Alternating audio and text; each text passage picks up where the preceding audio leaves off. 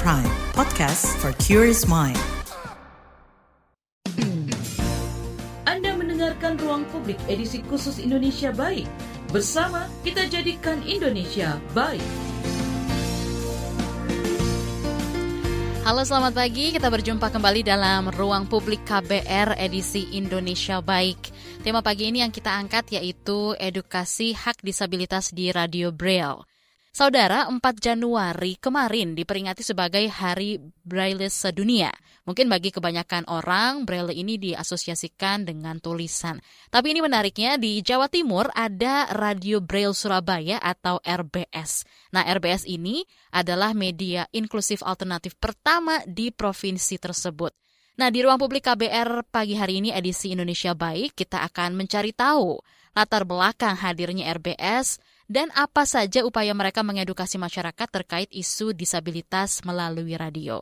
Kita akan berbincang dengan Tutus Setiawan, pemimpin redaksi Radio Braille Surabaya RBS, dan Hanan Abdullah, penyiar Radio Braille Surabaya.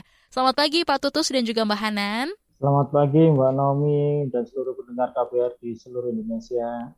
Baik, Pagi Kak. Selamat pagi Mbak Hanan dan juga Pak Tutus. Kita sehat semua ya. Terima kasih sudah hadir di ruang publik KBR pagi hari ini.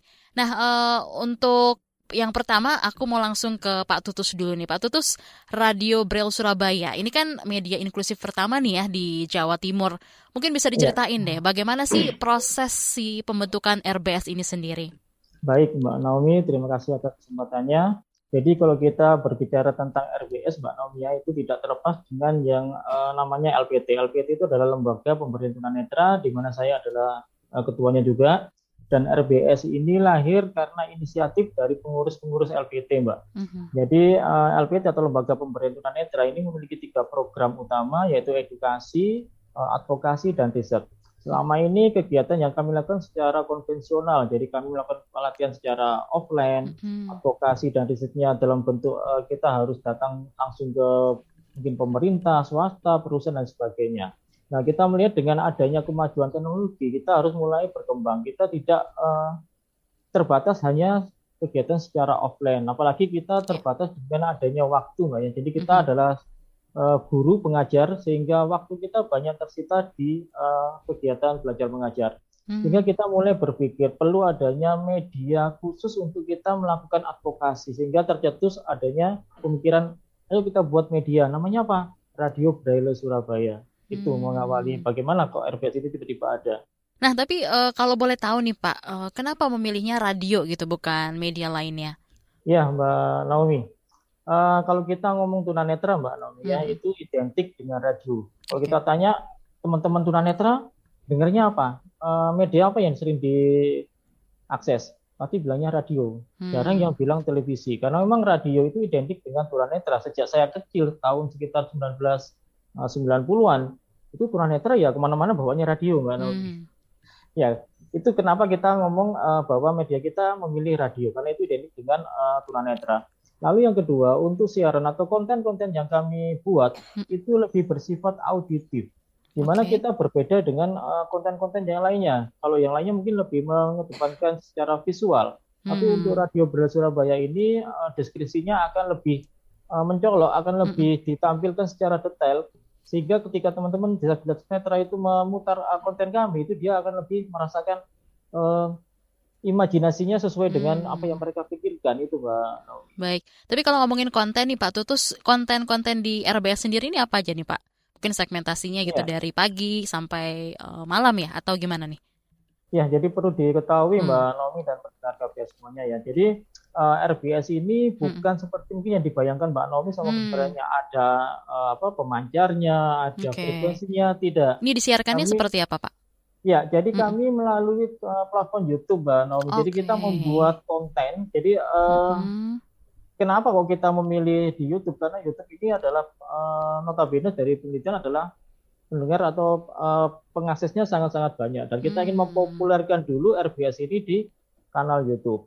Jadi uh, program kita sebenarnya tidak seperti radio pada umumnya ya, Pak. Mm-hmm, Kenapa kita gitu ngomong radio? Ya, jadi kita ngomong radio itu salah satunya adalah untuk menggelitik banyak orang. Oh, radio. Jadi mereka tanya, oh, okay. berapa frekuensinya? Ya. Caranya gimana? Nah, Benar-benar ya. Ya, karena kita memang seperti yang saya sampaikan bahwa Mm-mm. kita itu adalah seorang pengajar, basicnya pengajar, Mm-mm. dan bahkan saya adalah pegawai negeri sipil di Pro- Provinsi Jawa Timur. Wow. Sehingga kita waktunya banyak tersita di eh, mengajar. Sehingga untuk mengatasi itu ya kita buatnya sebuah konten-konten yang kita upload di YouTube, Mbak Naomi. Hmm, oke.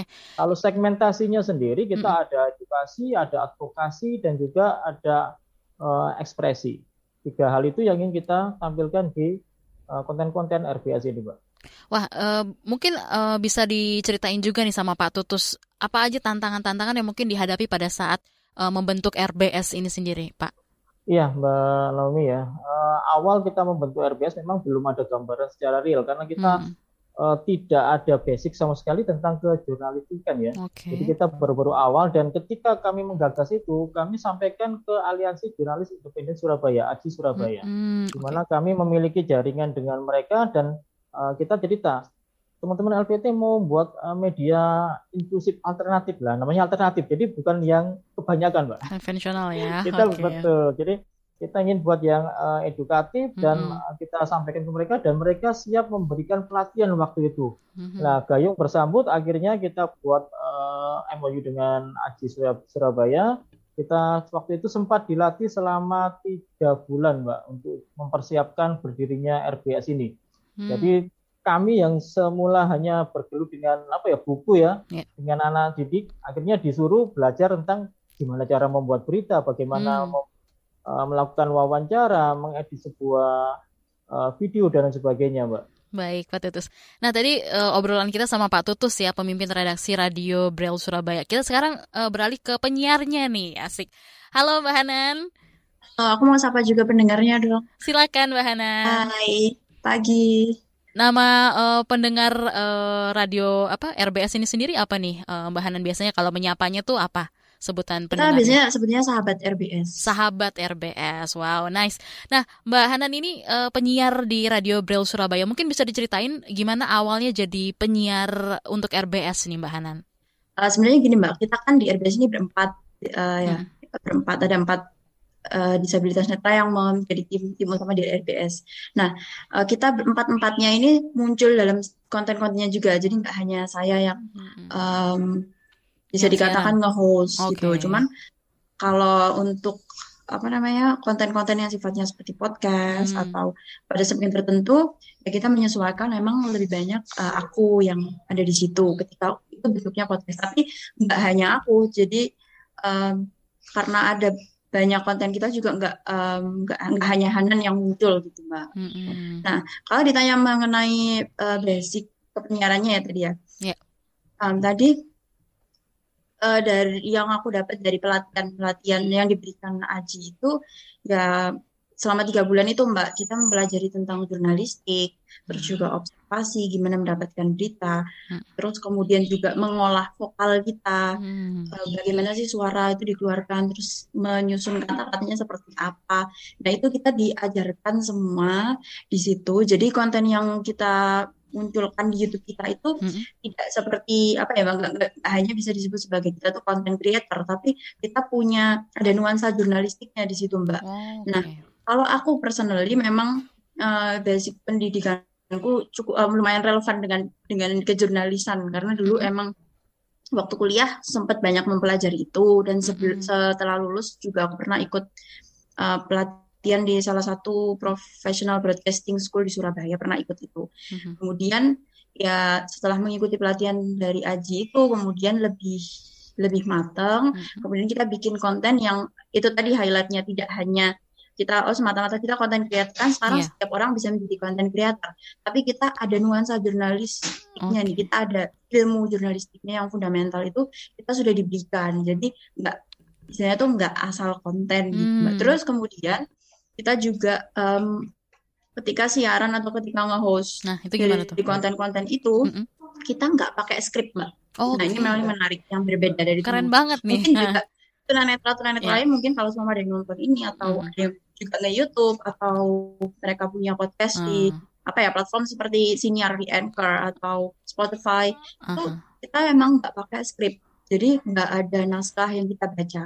Yang kita lakukan itu adalah kita mengingat poin-poin di garis besarnya, Mm-mm. kemudian kita munculkan kemampuan verbal kita sebisa kita, Mm-mm. kita susun kalimatnya saat itu juga. Memang Oke. konsekuensinya adalah untuk retake retake. Nah, kenapa kita seperti itu? Mm-mm. Kenapa nggak pakai naskah aja seperti youtuber pada umumnya atau jurnalis pada umumnya? Biar lebih rapi. Memang hasilnya pasti akan lebih berbeda Iya. ya kalau ada naskah yang uh, sudah sistem sistemate gitu udah Mm. bagus. Tapi karena kita pastinya uh, soalnya kesulitan mbak. Kita kan baca Iya. itu kalau nggak pakai huruf braille ya kita akan Hmm. pakai uh, device kita dengan screen reader kita. Nah kalau kita harus baca baca dengan braille ya pasti akan terlihat karena kita baca pakai tangan. Hmm. Sementara kalau kita dengarkan screen reader dulu akan time karena kita kan mendengar dulu baru kita mengucapkan apa yang kita dengar. Nah, oleh karena itu ya kita mengatasinya adalah tidak dengan skrip, tapi ya kita dengan poin-poin itu tadi, terus kemudian kita siarkan pesan apa yang mau kita convey di situ, kayak gitu. Baik, ini eh, aku udah buka YouTube eh, Radio Braille Surabaya gitu ya. Nuansanya kuning. Mungkin eh, aku eh, dari awal belum tanya nih, dari kapan nih Pak Tutus si radio RBS ini terbentuk? Iya, Mbak Naomi, terima kasih. Jadi Ya. RBS sendiri mengambil momen uh, peringatan Hari Disabilitas Internasional tahun 2022 untuk launchingnya, Mbak Naomi ya. Oke. Jadi 3 Desember kemarin kita Wow. launching, kita Mhm. menghadirkan uh, rekan-rekan media untuk mensupport uh, Radio Braille Surabaya ini, Mbak. Mhm. Baik. Nah, eh, mungkin bisa dikasih tahu juga sama pendengar gitu saat ini ada berapa orang yang eh, bekerja di RBS dan tugas-tugasnya apa aja sih nih Pak Tutus? Iya, untuk di RBS sendiri seperti yang disampaikan oleh Mbak Nan tadi, kita ada empat orang ya untuk yang menggawangi, Mbak ya. Yang Mm-mm. utama di sini ada empat orang, Mm-mm. yaitu saya sendiri, lalu ada yang uh, Mbak Nan sebagai uh, koordinator distribusi, lalu ada Mas Atung Yunarta itu sebagai koordinasi konten, dan Mas Sugi Ermanto sebagai koordinasi produksi. Uh, tapi keempat-empatnya ini selain memiliki tanggung jawab itu uh, juga memiliki tanggung jawab sebagai reporter. Jadi Oh. semuanya harus bisa di lapangan, harus bisa melakukan wawancara. Ketika harus disuruh uh, siaran juga harus bisa itu loh, Pak. Jadi Mm-mm. kita intinya memang uh, masih mengoptimalkan empat uh, orang ini untuk membuat konten-konten yang ada di RBS. Tapi selain itu kita juga disupport oleh beberapa relawan juga, Mbak Naomi ya. Oke. Ada beberapa relawan yang Mm. membantu kita untuk uh, mengkoordinasi misalnya pengambilan gambar, Iya. editing itu juga ada yang uh, bantu juga. Jadi eh, memang eh, dalam keseharian empat berempat ini ya Pak ya, Pak Tutus ya. Betul. Nah, Betul, aku mau ke Mbak Hanan lagi. Mbak Hanan, tantangan-tantangan dalam membuat konten ini seperti apa aja nih Mbak?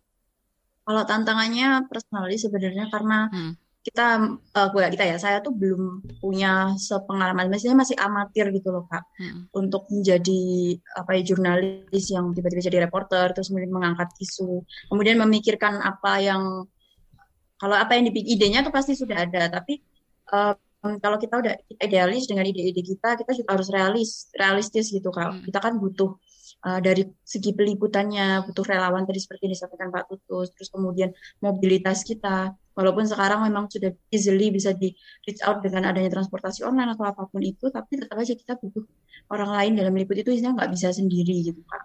Jadi Hmm. ya itu tantangannya, pasti butuh Ya. bantuan dari relawan itu tadi. Baik, Mbak Hanan dan juga Pak Tutus, kita tahan dulu nanti kita lanjut lagi dan kita juga bakal tanya-tanya nih apa aja sih isu-isu yang dibahas di RBS. Kita akan bahas setelah jeda. Ruang Publik KBR akan segera kembali. Masih Anda dengarkan Ruang Publik KBR. Commercial break. Commercial break. Sepasang kekasih yang terpaut usia hingga 61 tahun di Subang. Ini bukan hal baru. Angka pernikahan dini juga mulai Kawin anak terus terjadi, sering kali menjadi viral, bahkan jadi bahan guyonan dalam kemasan berita yang sensasional. Seorang gadis berusia 18 tahun Seolah ini bukan masalah. Tapi, bagaimana rasanya kawin ketika masih di usia anak? Gimana sih perasaan saya tuh sebenarnya hancur waktu itu. Hancurnya bisa naik sekolah Ya, pengen banget sekolah, lihat orang. Saya ajak kamu mendengar langsung suara mereka yang dikawinkan di usia anak. ibu sama bapak tetap paksa untuk menikah. Saya tidak bisa memenuhi impian bapak ibu. Saya Malika, ini adalah Disclose, Dari mana serial podcast investigasi dari KBR. Yang penting saya mau ningkain cita-cita Disclose, dipaksa kawin. bisa disimak di KBR Prime, Spotify, dan aplikasi mendengarkan podcast lainnya.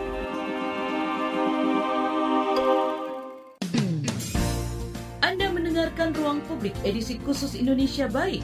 Bersama kita jadikan Indonesia baik.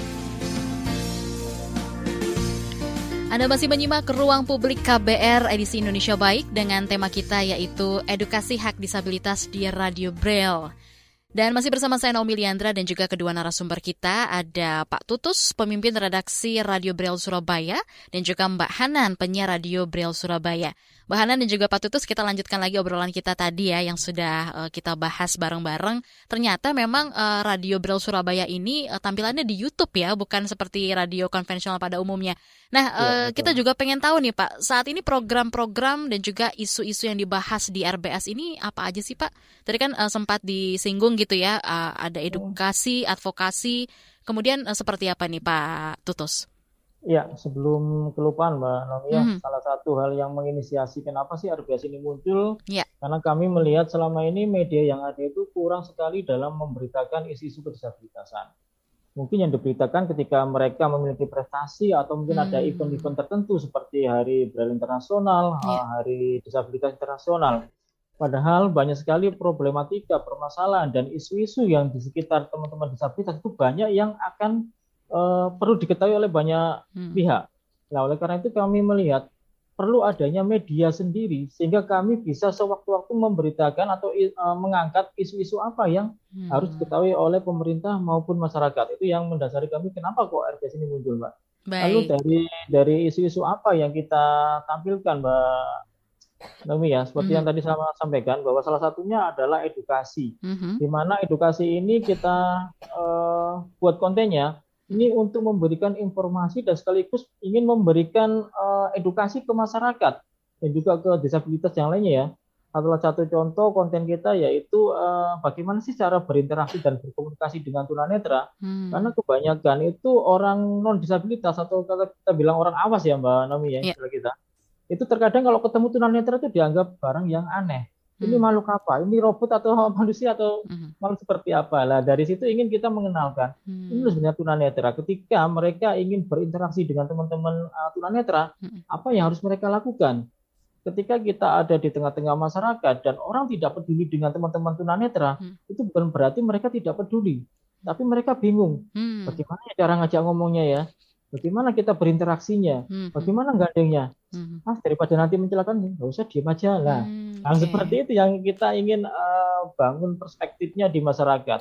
Wow. Sehingga program edukasi ini uh, kita rasa sangat penting untuk di diketahui oleh banyak pihak itu yang pertama. Yang kedua adalah advokasi, hmm. di mana selama ini kita sering melakukan advokasi, di mana teman-teman disabilitas itu sering kali mengalami uh, diskriminasi dari banyak sektor ya Mbak Naomi ya, Baik. dari pendidikan, kesehatan, tenaga kerjaan, uh, dan mungkin juga politik. Hmm. Nah isu-isu kedisabilitasan itu yang akan kita angkat ke RBS ini Mbak Naomi. Hmm. Selain itu kita juga harusnya memahami kemampuan yang berbeda dengan lainnya. Dan selama ini yang terekspos itu hanya mungkin satu, dua, tiga aja ya. Padahal hmm. banyak sekali potensi yang mereka miliki, tapi belum banyak orang yang paham. Hmm. Nah dari situ makanya ada konten yang namanya uh, kreasi, di mana ekspresi, di mana kita ingin menunjukkan ini loh kemampuan dari teman-teman disabilitas ini yang bisa mereka lakukan sehingga orang itu tidak akan memandang sebelah mata pada teman-teman disabilitas Baik Pak Tutus, ini keren banget dan juga Mbak Hanan ya. Kita uh, angkat penelpon dulu, sudah ada yang bergabung dari Pak Angga di Krukut Depok. Selamat pagi Pak Angga. Ya, selamat selamat pagi. Baik, silakan dengan pertanyaannya. Ya, saya mau tanya sih ke saya mau nanya nih ke Mbak Hanan kan masalah penyiaran radio ini ya. Ya. Uh, saya penasaran itu eh, gimana sih cara menerima atensi dari kan apakah itu harus dikeluarin suara screen readernya atau bagaimana ya mm-hmm. baik Pak Angga ada lagi mungkin Uh, udah itu aja sih penasaran baik. aja sih saya. Oh, siap baik terima kasih Pak Angga untuk pertanyaannya. Mbak Hanan gimana nih uh, pertanyaan dari Pak Angga gimana sih masalah penyiaran cara menerima atensi dari pendengar silakan. Halo Pak Angga, terima kasih pertanyaannya. Jadi karena kita itu munculnya ada di YouTube, kita bikin konten YouTube pastinya atensi yang kita terima itu ada di komentar di YouTube Pak. Jadi hmm. ya kita respon dari komentar-komentar yang muncul di YouTube itu seperti apa ya, apakah konten ini cukup menarik apakah cukup berterima apakah nanti mungkin ke depannya akan ada kritik atau misalnya ide-ide konten apa yang mereka dengar hmm. ya itu sepenuhnya melalui uh, komentar YouTube dan nanti juga mungkin juga lewat Instagram atau sosial media kami di Radio Beraya Surabaya. Seperti itu Pak Angga. Baik Baik Mbak Hanan, aku uh, juga masih mau tanya-tanya juga nih sama Mbak Hanan ya. Sebagai penyiar hmm. nih Mbak, mungkin bisa diceritain sih uh, tantangan saat dan di luar waktu siaran itu seperti apa dari Mbak Hanan sendiri? Di luar waktu siaran, uh, pastinya mikirin bagaimana ini bisa berterima dan benar-benar ngejangkau publik sih Mbak. Karena sebenarnya dari kalangan pertemanan saya yang tunanetra, teman-teman tunanetra saya itu banyak juga sebenarnya mereka yang appear di YouTube gitu mereka punya konten di YouTube dan juga um, bahkan ngedit sendiri hmm. yang apa ya tidak di dalam naungan lembaga gitu mereka sendiri emang ingin bikin konten tentang mengkampen atau mem, me, apa ya menyebarkan ke publik tentang isu-isu disabilitas. Hmm. Tapi kalau dari yang aku lihat mungkin nggak semua ya, hmm. tapi mayoritas dari uh, audiens mereka itu justru yeah. sesama tunanetra. Oh, Jadi uh, menurut pandanganku pribadi uh, bisa dikatakan campaign itu tuh jadi tidak tersampaikan gitu mbak karena sebenarnya yang mau di uh, tujuannya itu adalah supaya orang-orang kita menyebutnya kalau um, non tunanetra tuh awas ya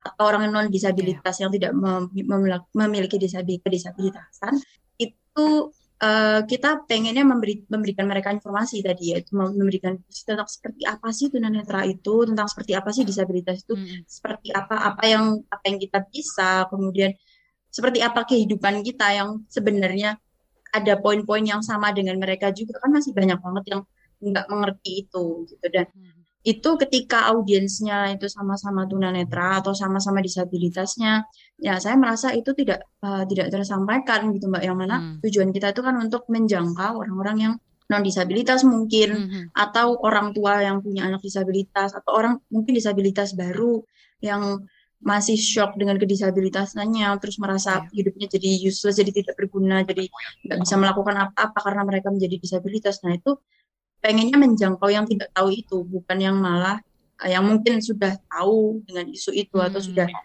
uh, nyaman atau memang udah bergerak di keaktivisan yang nggak apa-apa juga sih cuma yeah. emang tujuan mayoritinya itu bukan itu gitu mbak nah aku itu sih tantangan yang menurut aku gimana supaya tersampaikan benar-benar ke publik orang-orang yang memang sebelumnya tidak tahu baik Uh, itu tadi penjelasan dari Mbak Hana nih ya dari sisi penyiar. Nah ke Pak Tutus lagi nih, Pak Tutus uh, salah satu misi RBS ini kan adalah tentunya mengedukasi publik ya terkait dengan yeah. Ya. uh, teman-teman disabilitas dan juga menjadi Betul. corong advokasi seperti yang tadi Bapak juga sempat sampaikan gitu untuk menyuarakan hak-hak teman-teman disabilitas. Mungkin bisa diceritakan juga uh, seperti apa sih proses membuat program-programnya nih Pak?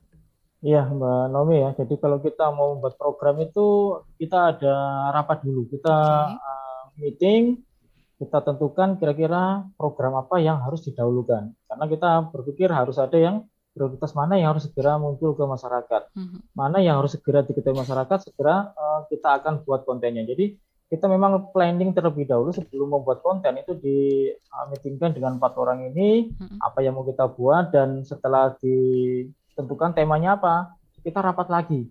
Kontennya seperti apa. Jadi kita harus membuat uh, apa ya uh, rancangan kira-kira nanti kontennya dibuat seperti apa, yang menarik seperti apa. Mm-mm. Tidak hanya sekedar bikin konten selesai, yeah. udah terserah nanti hasilnya seperti apa. Kita nggak mau seperti itu, Mbak. Jadi kayak kemarin ya, seperti yang disampaikan Mbak Ana tadi, mm. uh, tagline dari RBS sendiri kan uh, suara inklusivitas. Jadi kita ingin sebenarnya ingin me membaurkan teman-teman disabilitas dengan uh, yang non disabilitas.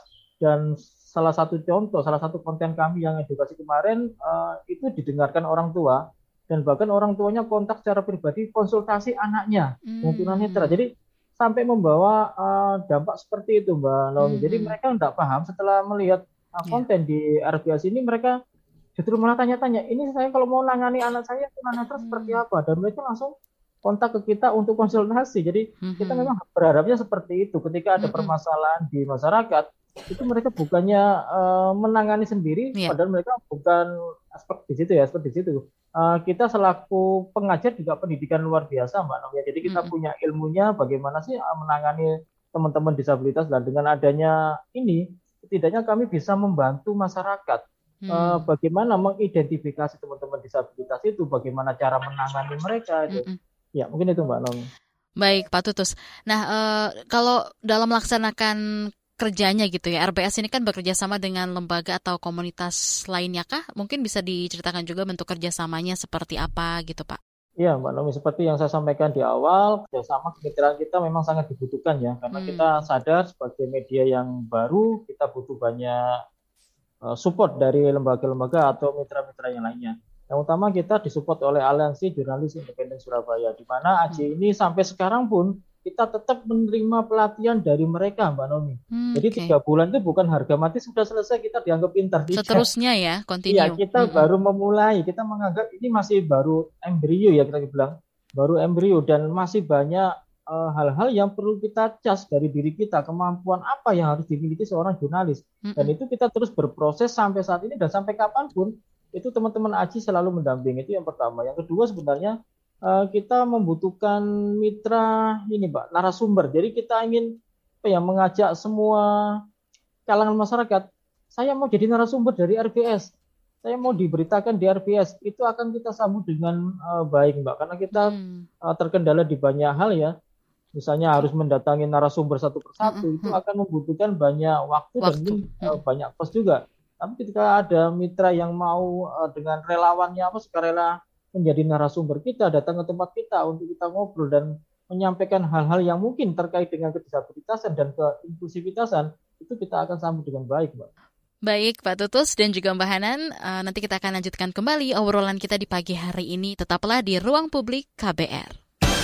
Masih Anda dengarkan Ruang Publik KBR. Yuk follow sosial media KBR Twitter at Berita KBR, Instagram at KBR.id, Youtube Berita KBR. Anda mendengarkan Ruang Publik edisi khusus Indonesia Baik. Bersama kita jadikan Indonesia baik. Kembali lagi di ruang publik KBR edisi Indonesia Baik dan hari ini tema kita adalah edukasi hak disabilitas di Radio Braille. Dan tadi sudah kita obrolkan juga bersama dengan Pak Tutus, yaitu pemimpin redaksi dari Radio Braille Surabaya RBS dan juga Mbak Hanan, penyiar Radio Braille Surabaya. Sekarang kita mau satu persatu menyapa dan juga membaca beberapa komentar yang sudah masuk di channel YouTube Berita KBR. Yang pertama ada Irwan Bajo di Makassar. Motivasi apa yang harus dilakukan bagi disabilitas dengan adanya radio dan apakah dengan adanya radio apakah masyarakat pada umumnya bisa tertarik dengan adanya radio RBS. Silakan Pak Tutus, mungkin bisa dijelaskan lagi. Ya, Mbak Naomi. Uh, yang kedua ya, bagaimana masyarakat itu bisa tertarik mendengarkan radio Braille Surabaya. Itu memang tantangan bagi kami ya selaku uh, penggawa di RBS, Mbak Naomi ya. Baik. Jadi ini sudah kita pikirkan bagaimana konten-konten yang kita buat itu tidak monoton seperti konten-konten yang lainnya. Jadi kita berupaya sebaik mungkin kita akan mengeluarkan seluruh kemampuan kita untuk menyajikan sebuah informasi dalam bentuk uh, video dan juga audit uh, deskripsi auditif yang sangat-sangat uh, lengkap bagi teman-teman disabilitas sehingga mereka melihat, setelah melihat uh, YouTube kita, program kita, hmm. itu wah ini memang beda dari yang lainnya. Ini uh, hal yang baru dibandingkan konten-konten yang sudah ada. Itu yang hmm. pertama. Lalu bagaimana memotivasi teman-teman uh, disabilitas ketika mendengarkan radio? Ini salah satu tujuan kami sebenarnya Mbak Naomi ya. Hmm. Dengan kita mengunggah konten-konten yang ada di YouTube, itu salah satunya memberikan inspirasi kepada teman-teman disabilitas, ya. tidak hanya tunanetra. Kita di situ me, apa ya menyajikan oh, teman-teman keberhasilan teman-teman disabilitas seperti apa dan ini kita harapkan jadi motivasi bagi mereka Oh hmm. ternyata disabilitas bisa melakukan itu, mereka memiliki kemampuan itu itu, hmm. sehingga siapa pun kedisabilitasannya itu dan uh, mereka asalkan mau berupaya itu sebenarnya bisa, tinggal mereka mau action apa tidak. Jadi dengan adanya RBS ini kami berharap bisa memotivasi teman-teman disabilitas untuk bisa berbuat lebih baik. Baik Pak Tutus, kita lanjutkan lagi. Ada beberapa komentar di channel YouTube Berita KBR yang sudah masuk. Baik, bisa dilihat untuk komentar-komentarnya. Ya, Oke, ada lagi dari Mas Doniel. Unik sih radio untuk berkebutuhan khusus. Cara mendapatkan informasi untuk radio Braille ini seperti apa? Suka dukanya apa aja? Silakan, uh, mungkin bisa diceritakan oleh Mbak Hanan. Uh, suka dukanya pastinya dalam proses peliputan ya kak. Dan seperti hmm. yang tadi aku sudah bilang, uh, itu dukanya ya mungkin. Hmm. Tapi nggak apa-apa juga sih. Ya dari segi editingnya, kemudian pengambilan gambarnya karena kan yang di tim produksi kita itu kak yeah. um, bagian dari kita berempat itu ya namanya Pak Suki. Nah itu beliau kan juga tunanetra walaupun beliau mempunyai sisa penglihatan yang lumayan kita sebutnya low vision. Nah itu beliau sendiri yang edit meskipun nanti akan di um, follow up lagi sama tim dari Aji. Jadi masih masih di kita kan masih di, didukung dan dibantu Aji ya. Hmm. Nah untuk proses mengedit ini pastinya uh, tidak akan secepat tidak akan secepat orang yang mungkin awas ya um, walaupun juga tetap ada aplikasinya tahu caranya tapi tetap kecepatannya nggak akan nggak akan cepat itu tuh harus yeah. perlu penyesuaian antara gambar apa bener nih yang sudah diedit gambarnya udah udah pas sama narasinya atau mm -hmm. belum terus kalau dari segi penyiaran itu tadi uh, karena kita nggak pakai skrip mm -hmm. jadi pastinya akan lebih lama gitu mm -hmm. kalau orang lain mungkin bikin skrip tersusun terus tinggal yeah. baca dari jauh gitu. Kalau kita harus retake retake retake lagi bukannya itu tapi nggak apa-apa maksudnya nggak nggak menjadi ya akan menjadi challenge buat kita aja hmm. terus kalau sukanya ini sih mbak aku kalau personally aku suka hmm. itu ketika kita juga kita tuh nggak hanya ngomongin tentang kedisabilitasan gitu okay. walaupun emang isu paling paling major yang kita cover itu adalah yang berkaitan dengan kedisabilitasan hmm. Jadi tidak menutup kemungkinan kita akan mengangkat hal-hal yang beririsan juga atau hal-hal lain yang umum. Contohnya, misalnya kemarin mm -hmm. kita membahas soal hak asasi manusia. Mm. Nah, HAM secara umum dasar HAM itu apa sih? Se semana kita mengerti batas pelanggaran HAM kita tuh yeah.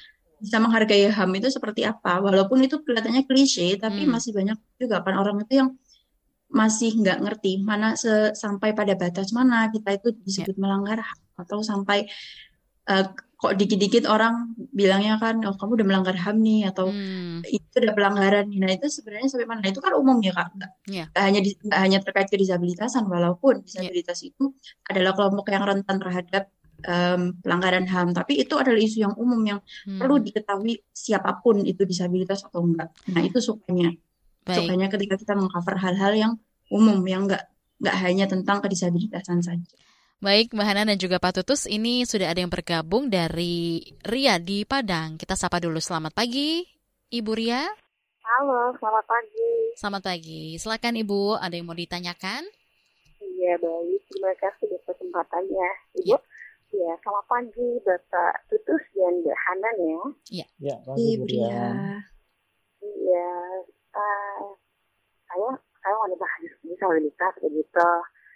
Uh, yang ingin saya tanyakan memang sih uh, ada apa ya memang sih saya senang gitu kalau menjadi uh, saya penyiar siaran gitu. Dari dulu sih saya pengen banget gitu tapi nggak mungkin. Orang disabilitas bisa begitu. Nah kebetulan banget saya ada dengar program ini apa ya acara dokter di sini begitu. Jadi yang ingin saya tanyakan apakah semua karyawan di uh, RBS itu uh, khusus disabilitas seperti itu. Mungkin saya telat dengarnya begitu. Hmm. Uh, kemudian uh, selain di RBS, apakah ada rencana akan diadakan uh, mungkin di radio-radio di kota lain begitu di Indonesia, hmm. mungkin seperti di Medan. Hmm. Gitu. Dan kemudian uh, apakah ada syarat uh, jenjang seperti itu uh, untuk menjadi seorang penyiar atau tim di hmm. RBS gitu. Dan pengen tahu pengen tahu apa sih komitmen atau visi dari, dari uh, ini uh, RBS, RBS. ini kita. Baik. Uh, Bu, terima kasih. Selamat pagi. Baik, terima kasih Ibu Ria yang ada di Padang. Senang jadi penyiar kalau kata Ibu Ria gitu ya. Hmm. Apakah semua karyawan di RBS disabilitas dan mungkin apakah ada rencana nih di radio-radio di kota lain seperti RBS mungkin selain di Surabaya di Kota Padang gitu ya kali di tempatnya Ibu Ria. Apakah ada syarat lain tertentu untuk jadi penyiar di RBS? Kemudian juga komitmen RBS bisa ditanggapi dulu oleh Pak Tutus. Silakan Pak Tutus. Ya. Ya, terima kasih atas pertanyaannya Bu Ria. Jadi untuk timnya dari RB sendiri seperti yang kami sampaikan tadi kita ada empat orang dan semuanya disabilitas netra tiga termasuk totally blind atau tidak memiliki sisa penglihatan sama sekali dan yang satu location atau yang masih ada sisa penglihatan. Mm-hmm. Selain itu kita juga disupport oleh beberapa mitra yang kita anggap uh, mitra bakti ya kalau kita bilang mitra bakti untuk membantu mulai dari pengambilan gambar kalau memang masukinya beralangan dan juga membantu di editing juga. Lalu apa ada syarat-syarat untuk uh, menjadi penyiar di RBS? Mm-hmm. Ya sebenarnya syaratnya ya satu bisa ngomong aja. Okay. ya bisa bicara dulu ya karena kita memang uh, di sini adalah auditif kita radio hmm. jadi uh, lebih ke arah ke audio.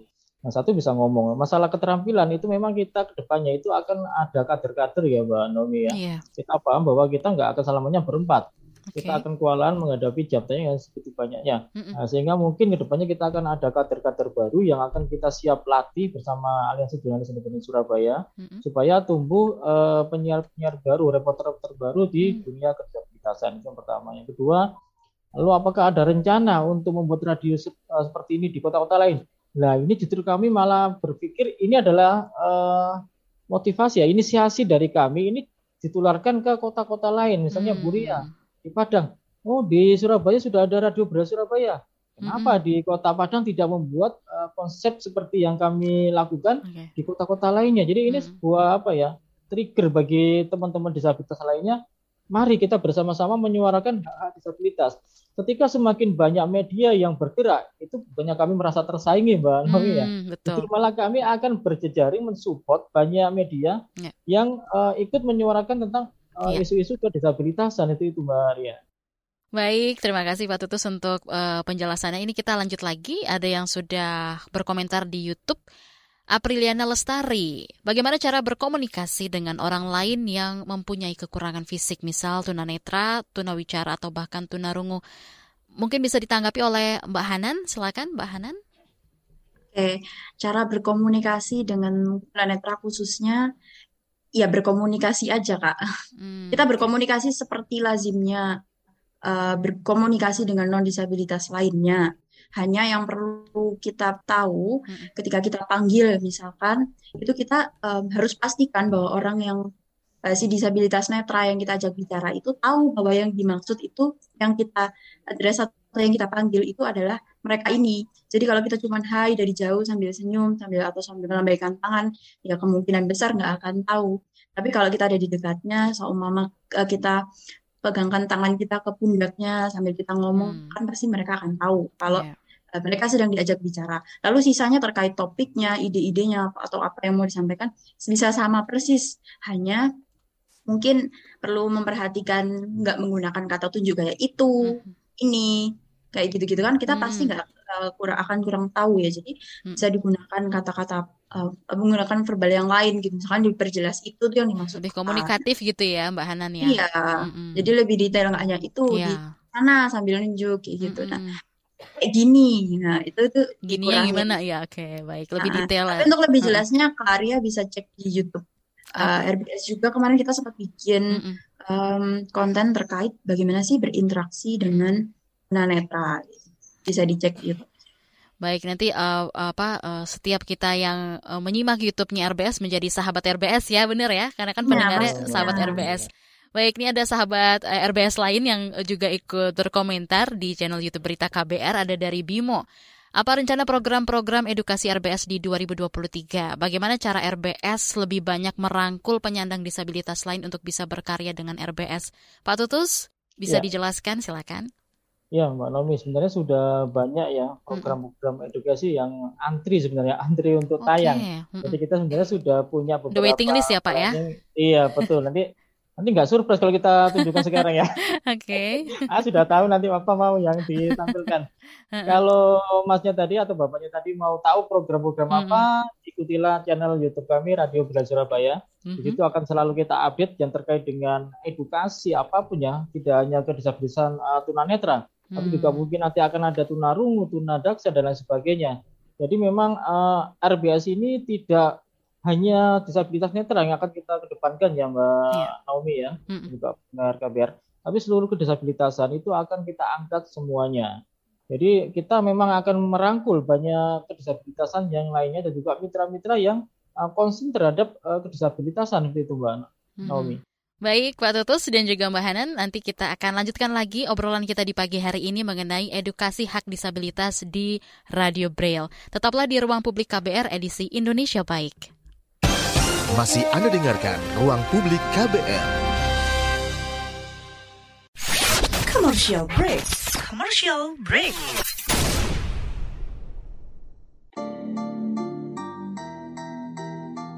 Come on yo. Buat yang sukanya berhoax, you better listen to this one. Check this one out yo. Hati-hati kalau baca kabar hoax. Jangan langsung disebar kabar yang hoax. Kalau mau tahu kabar benar atau hoax, dengerin cek fakta yang pasti bukan hoax. Dengerinnya setiap Senin yang jelas bukan hoax. Cuma ada di kbrprime.id dan aplikasi podcast lainnya. Hoax. Sudah cukup-cukup hoaxnya? Hoax. Cukup. Jaga emosi, tahan jari, verifikasi sebelum dibagi. Saya Aribo Sasmito, Ketua Komite Pemeriksa Fakta Mafindo. KBR Prime, podcast for curious mind. Anda mendengarkan Ruang Publik edisi khusus Indonesia Baik. Bersama kita jadikan Indonesia baik. Kita tiba di bagian akhir ruang publik KBR edisi hari ini yaitu dengan tema kita edukasi hak disabilitas di Radio Braille. Masih bersama dengan kedua narasumber kita, Pak Tutus, pemimpin redaksi Radio Braille Surabaya dan juga Mbak Hanan, penyiar Radio Braille Surabaya RBS. Nah, kita lanjut lagi baca ada pesan singkat WhatsApp yang masuk. Ada dari Lampung, uh, Bella. Saya kagum sekali dengan teman-teman dari RBS dan tertarik sekali. Rasanya ingin membuat daerah saya juga untuk mengedukasi masyarakat terkait isu disabilitas. Saya mau tanya apa saja yang harus disiapkan sebelum membentuk RBS ini. Silakan Pak Tutus bisa diterangkan. Ya, terima kasih Mbak Bella supportnya dan kami berharap juga Mbak Bella melakukan hal yang sama di daerahnya ya Mbak Bella. Jadi apa sih yang perlu disiapkan? Satu yang utama yaitu kemauan. Hmm. Mau dulu sebenarnya.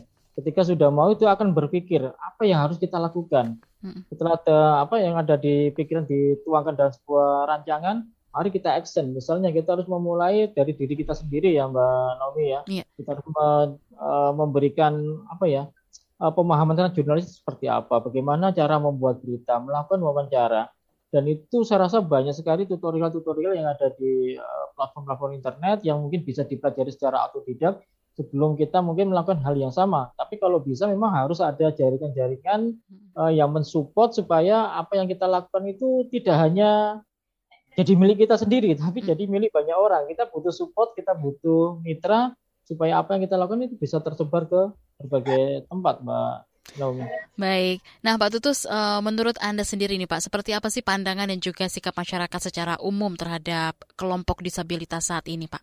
Ya, sekarang dengan majunya teknologi dan juga didukung oleh peraturan Mbak Nomi ya, ya. Uh, pemerintah Indonesia tahun 2016 sudah mengeluarkan Undang-Undang Nomor 8 tahun 2016 tentang penyandang disabilitas. Saya rasakan sudah mulai ada pergeseran-pergeseran uh, cara berpikir masyarakat, stigma masyarakat terhadap disabilitas.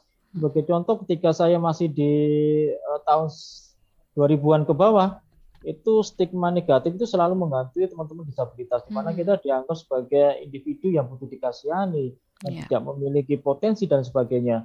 Tapi dengan bergesernya kondisi dan ini adalah uh, kita berpikir ini adalah apa uh, hasil sebenarnya hasil dari hmm. teman-teman hmm. disabilitas sendiri ketika kita memiliki organisasi, memiliki lembaga dan kita selalu melakukan uh, advokasi, kita selalu mengangkat isu-isu disabilitasan di tengah-tengah masyarakat, itu yang akhirnya sedikit demi sedikit itu mengikis uh, stigma negatif yang ada di hmm. masyarakat tentang disabilitas. Tapi memang uh, masih ada juga masyarakat yang berpikiran negatif lah. Tugas dari RBS itu sebenarnya itu, Mbak, membersihkan hmm. sisa-sisa stigma-stigma negatif yang ada di masyarakat itu sebenarnya. Yeah. Dan kami berharap uh, dengan adanya RBS ini sudah tidak ada lagi perbedaan masyarakat nomor satu, masyarakat nomor dua, karena kita dianggap selama ini adalah masyarakat nomor dua yang di mana-mana hmm. haknya itu selalu di nomor dua kan, Mbak. Hmm. Itu dengan adanya ini mudah-mudahan uh, suara inklusivitas yang kita dengungkan hmm. akan uh, direspon oleh seluruh kalangan masyarakat. Baik, tadi Pak Tutus sudah menyinggung mengenai uh, stigma gitu ya. Nah, kita kalau ke Mbak Hana nih sebagai selama menjadi penyiar dan juga bagian dari RBS, pernah nggak sih Mbak Hanan tuh dapat stigma dari pendengar dan kalaupun ada, gimana cara Mbak Hanan mengatasinya, Mbak? Uh, so far sih belum nggak nggak pernah ada ya Mbak syukurnya hmm. kalau dari uh, pendengar dari um, audiens YouTube. Hmm. Cuma mungkin dari orang-orang lain yang pertama tahu kalau uh, oh RBS ini ada yang uh, isinya timnya. Aku kurang suka menyebutnya dengan karyawan ya. Okay. Uh, tim ya, tim, tim ya. timnya RBS yeah. ini hmm. itu uh, semuanya tunanetra. Oh ternyata bisa ya gitu. Terus hmm. gimana caranya? Masa uh, kok bisa sih tunanetra kok main YouTube gitu kan herannya mereka seperti itu kalau mau liputan itu bisa ya ternyata jadi um, nah stigma itu tadi kak yang hmm. paling banyak aku temukan sejauh ini sih bahwa tunanetra bisa main uh, muncul di sosial media hmm. itu uh, banyak yang masih belum tahu. Oke. Okay. Ini lebih ke ketidaktahuan masyarakat aja sih. Baik baik. Nah, kenapa sih stigma pada teman-teman disabilitas ini ada gitu dan mungkin datang dari mana sih stigma itu menurut Anda? Ya, Mbak Naomi. Ya. Jadi stigma ini muncul sebenarnya sudah apa ya? Ketika zaman dulu mungkin ada banyak uh, anggapan-anggapan dari hmm. masyarakat bahwa uh, teman-teman individu disabilitas itu karena ada kutukan, karena mungkin hmm. kesalahan orang tua, dosa orang tua yang tahun-tahun lalu yang dilimpahkan ke kita. Jadi hmm. sebenarnya ini adalah tradisi apa kira-kira adat ya. Adat di mana kebanyakan orang-orang dulu wah dia tunanetra. Mungkin karena dosanya orang tuanya, nenek moyangnya dulu. Hmm. Hal seperti ini yang mungkin uh, sering kali ya dihadapi oleh teman-teman disabilitas. Karena apa? Kita memahami bahwa edukasi, pemahaman uh, masyarakat tentang teman-teman disabilitas itu masih masih sangat rendah waktu itu ya. Hmm. Tapi dengan kemajuan teknologi sekarang, semua orang bisa mengakses sebenarnya apa sih yang menyebabkan teman-teman disabilitas apa yang uh, membuat mereka itu seperti itu itu sudah ada banyak sekali informasinya sehingga sekarang itu sudah mulai bergeser stigma-stigma negatif mbak kalau dulu mungkin karena ya itu dari, dari warisan turun temurun uh, yeah. informasi dari nenek moyang ya kalau hmm. ini biasanya seperti ini Baik. bukan secara uh, teori secara edukasi tapi hanya secara turun temurun hmm. warisan yang uh, negatif tapi sekarang dengan adanya teknologi kita bisa membaca yeah sebenarnya disabilitas itu kenapa terjadi. Nah, itu secara logis bisa dijelaskan sehingga hmm. kami berharap adanya pergeseran itu yang menyebabkan uh, pola pikir atau stigma negatif itu juga terkikis, Mbak. Baik. Baik Pak Tutus dan juga Mbak Hanan ini karena waktu yang juga sangat terbatas, mohon maaf sekali kita harus mengakhiri. Tapi sebelum itu uh, ya. saya juga mau bertanya kepada Mbak Hanan dan juga Pak Tutus ya. Harapan Anda pada masyarakat dan juga pemerintah supaya pandangan mereka makin terbuka pada teman-teman disabilitas. Mungkin bisa dimulai dari Mbak Hanan dulu. Silakan Mbak Hanan.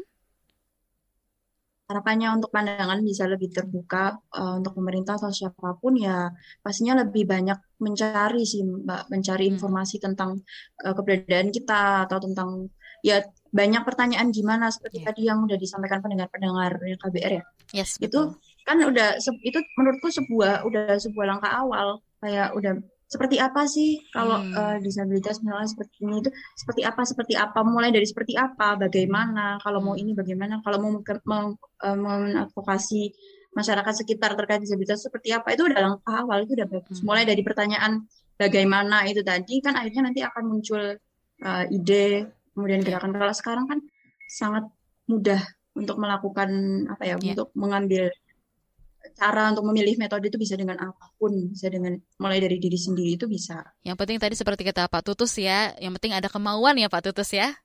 Iya, betul mana. Betul. Nah, dari Pak Tutus sendiri silakan Pak Tutus bisa disampaikan. Ya, yang utama yaitu kita harus membuka pola pikir kita ya, Mbak uh, Naomi ya. Jadi pola ya. pikir dulu yang dibuka, setelah itu baru merubah mindset pikir kita tentang teman-teman disabilitas. Karena kalau dua hal itu belum dilakukan ya sampai kapan pun mereka nggak akan terbuka dengan keberadaan disabilitas. Mm-hmm. mereka masih menutup hati mereka, pikiran mereka menganggap disabilitas itu nggak ada di tengah-tengah masyarakat, padahal yeah. uh, kita selalu eksis.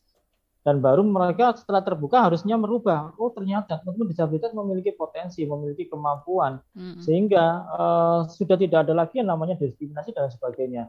Dan uh, kami berharap RBS ini menjadi salah satu rujukan informasi dari banyak pihak ya Mbak Nomi ya, Baik. entah itu masyarakat, pemerintah ataupun disabilitas sendiri. Sebenarnya seperti apa sih menangani disabilitas? Kemudian kita dapat memberikan hal positif, bisa memberikan informasi yang benar seperti apa harusnya dilakukan oleh teman-teman disabilitas. Dan mungkin yang terakhir Mbak Nomi ya, kita ya. minta dukungan, minta support dari seluruh pendengar KBR yang ada di Baik.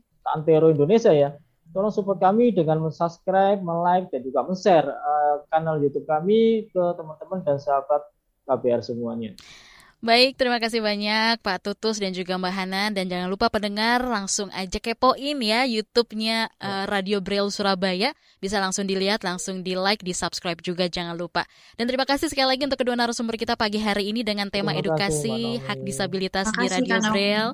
Baik. Udah ada Pak Tutu Setiawan, pemimpin redaksi Radio Braille Surabaya RBS dan juga Mbak Hanan Abdullah, penyiar Radio Braille Surabaya. Terima kasih banyak dan tentunya juga untuk Anda pendengar yang sudah berpartisipasi dan juga memberikan pertanyaan ataupun komentar. Terima kasih. Saya Naomi Liandra pamit. Terima kasih, selamat pagi dan sampai jumpa. Baru saja Anda dengarkan Ruang Publik KBR. KBR Prime, cara asik mendengar berita. KBR Prime, podcast for curious mind.